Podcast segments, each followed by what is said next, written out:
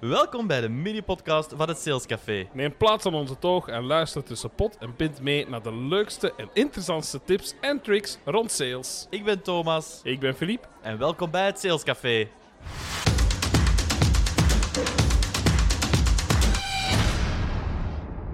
Hi iedereen en welkom bij het Sales Café, uw tweewekelijkse afspraak met bartenders Thomas en Philip voor een leuke babbel over sales. Ook deze week serveren we opnieuw een doorslaggevende techniek die je verkoopskills gaat helpen boosten. Philip, you have control. Yes, I have control. Of het is tenminste te zeggen, we gaan het hebben over stay in control. Vandaag over controlevragen. Philip, dat klinkt oersaai.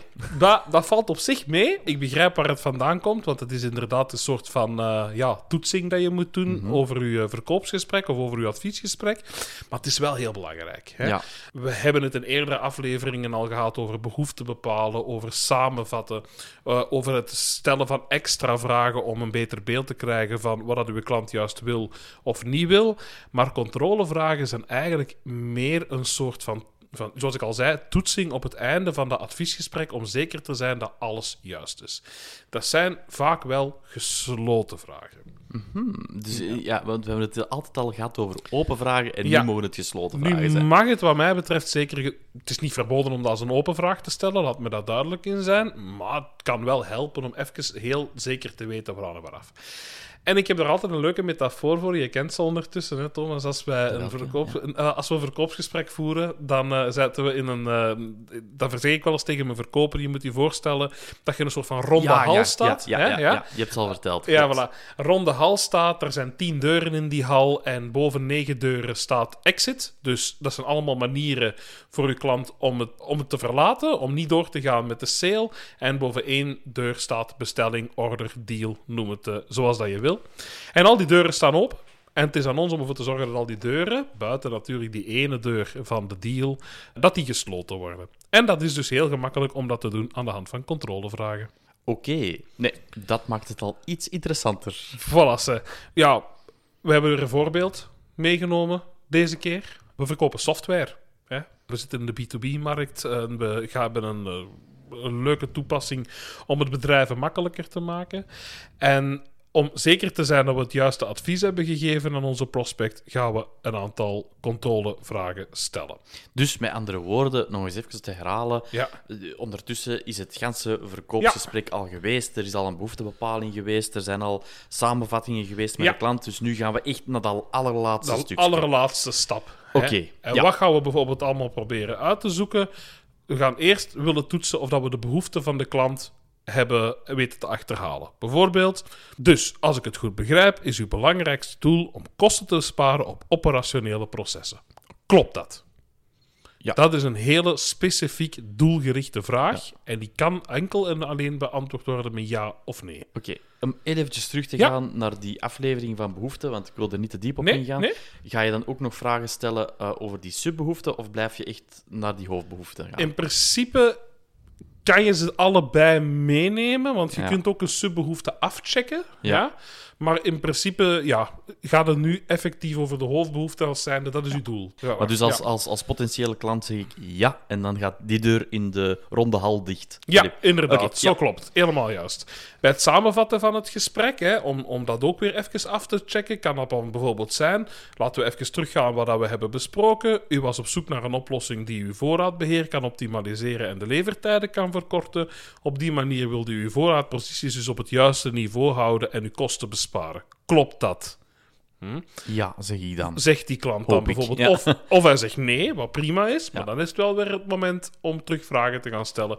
En dan gaan we dus een paar stappen terug in het gesprek. Wel interessant wat dat hier zegt. Dus dat betekent eigenlijk, hè, je, je bent het ganse verkoopproces doorgegaan, maar stel dat die klant dus nu nee zegt, dan moet jij als verkoper wel de flexibiliteit hebben om over Absoluut. dat punt terug te gaan in Ja. het verkoopsgesprek en eigenlijk terug heel die weg af te leggen en te zien waarom nu net die nee. Als die klant op dat moment echt nee antwoordt, ja, dan wil dat zeggen dat, dat je ergens, Dat er ergens iets mis is. iets mis is. Je- Heb je het zelf gemist? Heeft de klant het niet goed verteld? Dat kan allerlei redenen hebben. Hè? Ja. Maar dan moet je inderdaad opnieuw iets gaan aftoetsen. Hè? Waar het nog goed voor is, is het, het uitsluiten van eventueel bezwaren of twijfels. Hè. Bijvoorbeeld als uw klant van tevoren heeft aangegeven: ah, ja, ik heb toch wat moeite met nieuwe computerprogramma's, want ik moet mijn mensen dat allemaal aanleren. En ik wou zeker zijn dat je een gemakkelijke interface had. Dan kan het een, een, eh, makkelijk zijn om dat bezwaar weg te werken. Door bijvoorbeeld te zeggen: van laten we even teruggaan wat we besproken hebben. Wat u vooral belangrijk vond, is dat alle medewerkers binnen de twee weken opgeleid konden zijn, omdat het een makkelijk programma is om te gebruiken. Klopt dat? Ja. Voilà. Zeg Filip, ik- kunt je het dan eventueel ook gebruiken voor het polsen van een koopintentie? Absoluut. Dan gaan we wel een beetje meer richting richting Daar gaan we echt naar richting afsluiten. Daar willen we niet, nu niet over hebben. Daar wil ik straks even kort iets over zeggen. Maar dat is niet de bedoeling van Ja. de controlevragen. Maar het kan wel al helpen om een bepaalde richting uit te gaan. Hè. Dus bijvoorbeeld, op basis van ons gesprek lijkt het erop dat onze oplossing goed zou kunnen passen bij uw behoeften. Bent u van plan om verder te gaan met deze aankoop? Ja, Of bent u van plan om verdere stappen te nemen in het proces dat we u aanbieden?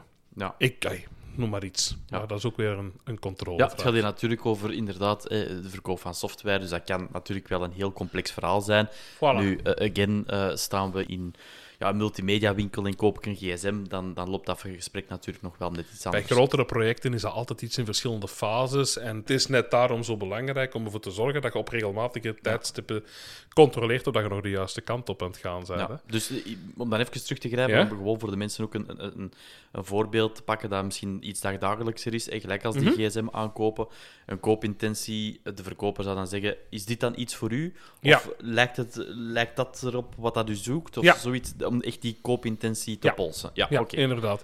En als laatste, want we hebben het er juist over die gesloten vraag gehad. Ik heb gezegd dat het niet verboden is van open vragen te stellen. Ik ga nu een voorbeeldje noemen waar een hele specifieke open vraag juist in zit. Bijvoorbeeld bij het, het stukje over levering en implementatie. Als onderdeel van het proces kun je vragen stellen om ervoor te zorgen dat uw klant de realistische verwachtingen heeft over de levering, de implementatie en de resultaten van uw product of uw dienst. Bijvoorbeeld, laten we praten over de implementatiefase. Wat zijn uw verwachtingen met betrekking tot tijdslijnen en resultaten na uw implementatie? Dat is een controlevraag om af te toetsen of dat die verwachting overeenstemt met de realiteit en of dat die wat die verwachting nog specifieker juist Ja. inhoudt. Ik kan, even verwarrend overkomen, denk ik, Absoluut, voor dus dat de- is lastig om Ja. dit onderwerp ook om te Maar bespreken. de- die laatste vraag is inderdaad eh, verwachtingen aftoetsen. Ja. Zit de verwachting nog altijd juist? Voilà, Ja. dat echt specifiek, eh, specifiek afchecken eigenlijk. Oké. Voilà. Heb jij nog tips voor ons, Filip? Wel, zeker en vast. Algemeen, dus uw gesloten vragen, die kunt je zeker en vast eh, stellen. Waar je wel op moet letten, is dat je geen twijfelachtige houdingen ziet bij je klant. Ja? Als een controlevraag wordt beantwoord met... Ja, ik denk het wel. Of dat lijkt wel goed te zijn. Dat is letterlijke twijfeltaal. En die twijfeltaal die moet je proberen uit te sluiten. Dat is eigenlijk Ja. een klant die niet 100% overtuigd is. Dus je controlevraag kun je op dat moment nog niet afchecken. Dus enige manier om dat op te lossen, terug gaan doorvragen. Terug gaan achterhalen. Oké. Oké. Zie jij dat zitten om dat even samen te vatten? Eh, wel, ik ga dat proberen zo goed mogelijk te doen, Filip. Eh, wat ik van jou heb begrepen, hè, dus die controlevragen zijn belangrijk om te kijken of je op de goede weg bent. Hè. Dus dat is echt die Ja. laatste stap eigenlijk voordat je naar closing gaat, voordat je echt die stappen gaat nemen, zodat die handtekening er staat, Ja. of zodat je echt gewoon naar de kassa kunt wandelen en Mhm. de verkoop kunt sluiten. En je kan dus verschillende controlevragen stellen. Bijvoorbeeld, ja, zijn die behoeften van de klant nu volledig ingewilligd? Dat plaatje volledig afsluiten. Is dat een ja? Dan kunnen we verder. Voor het samenvatten van het gesprek, gewoon dat beeld nog eens een keer controleren. Is dat een ja? Dan kan je verder. Voor het aanpakken van bezwaren en twijfels, zijn al die deurtjes dicht, Filip? Ja, ja, dan voilà. kunnen we weer verder. Het polsen van de koopintentie, ook Mhm. een belangrijke. En ook het polsen van de verwachtingen. Bijvoorbeeld, eh, kan je doen met Mhm. het voorbeeld dat we hebben gegeven van die levering en implementatie. Nu, als ik het goed begrepen heb, die controlevragen zijn echt wel belangrijk. En er zit ook een bepaald effect in. Ja. Als je constant overal ja op zegt, als potentiële klant, Mhm. dan heb je een soort van opbouwend effect. En dan Ja. ga je eigenlijk in de volgende stap, waar we het nu niet over gaan hebben, Ja. maar over die closing, dan ga je ook gemakkelijker daar een ja gaan zeggen. Dus je, zoekt constant een bevestiging in die controlevragen bij de klant, zodat die al een positief beeld heeft van het ganse verkoopsgesprek. En dat vertrouwen is er dan eigenlijk ook. En ja, zo voorkom je ook dat er misverstanden zijn. Hè. Je hebt Ja. alles gecheckt met de klant, alles ziet er goed uit. Je kan eigenlijk doorgaan voor die go, zal ik maar zeggen. Ja. Jij wou nog iets zeggen over dat closing verhaal? Ja, inderdaad. Hè, want inderdaad, dit is, een, dit is een, van de allerlaatste stappen richting eh, uw closing. Maar wij zijn een aflevering aan het maken over closing. Hè. Ja. Dus daar willen we jullie graag bij betrekken, lieve luisteraar. Dus daarom stuur ons eventueel tips, dingen die dat je graag wilt weten. Zijn er bepaalde onderwerpen die dat je wil aanhalen? Zijn er bepaalde drempels waar dat je altijd tegenaan loopt als je een deal wilt closen? Heb je een goed voorbeeld van een keer dat het goed gelukt is? Want daar kunnen andere luisteraars alleen maar van leren.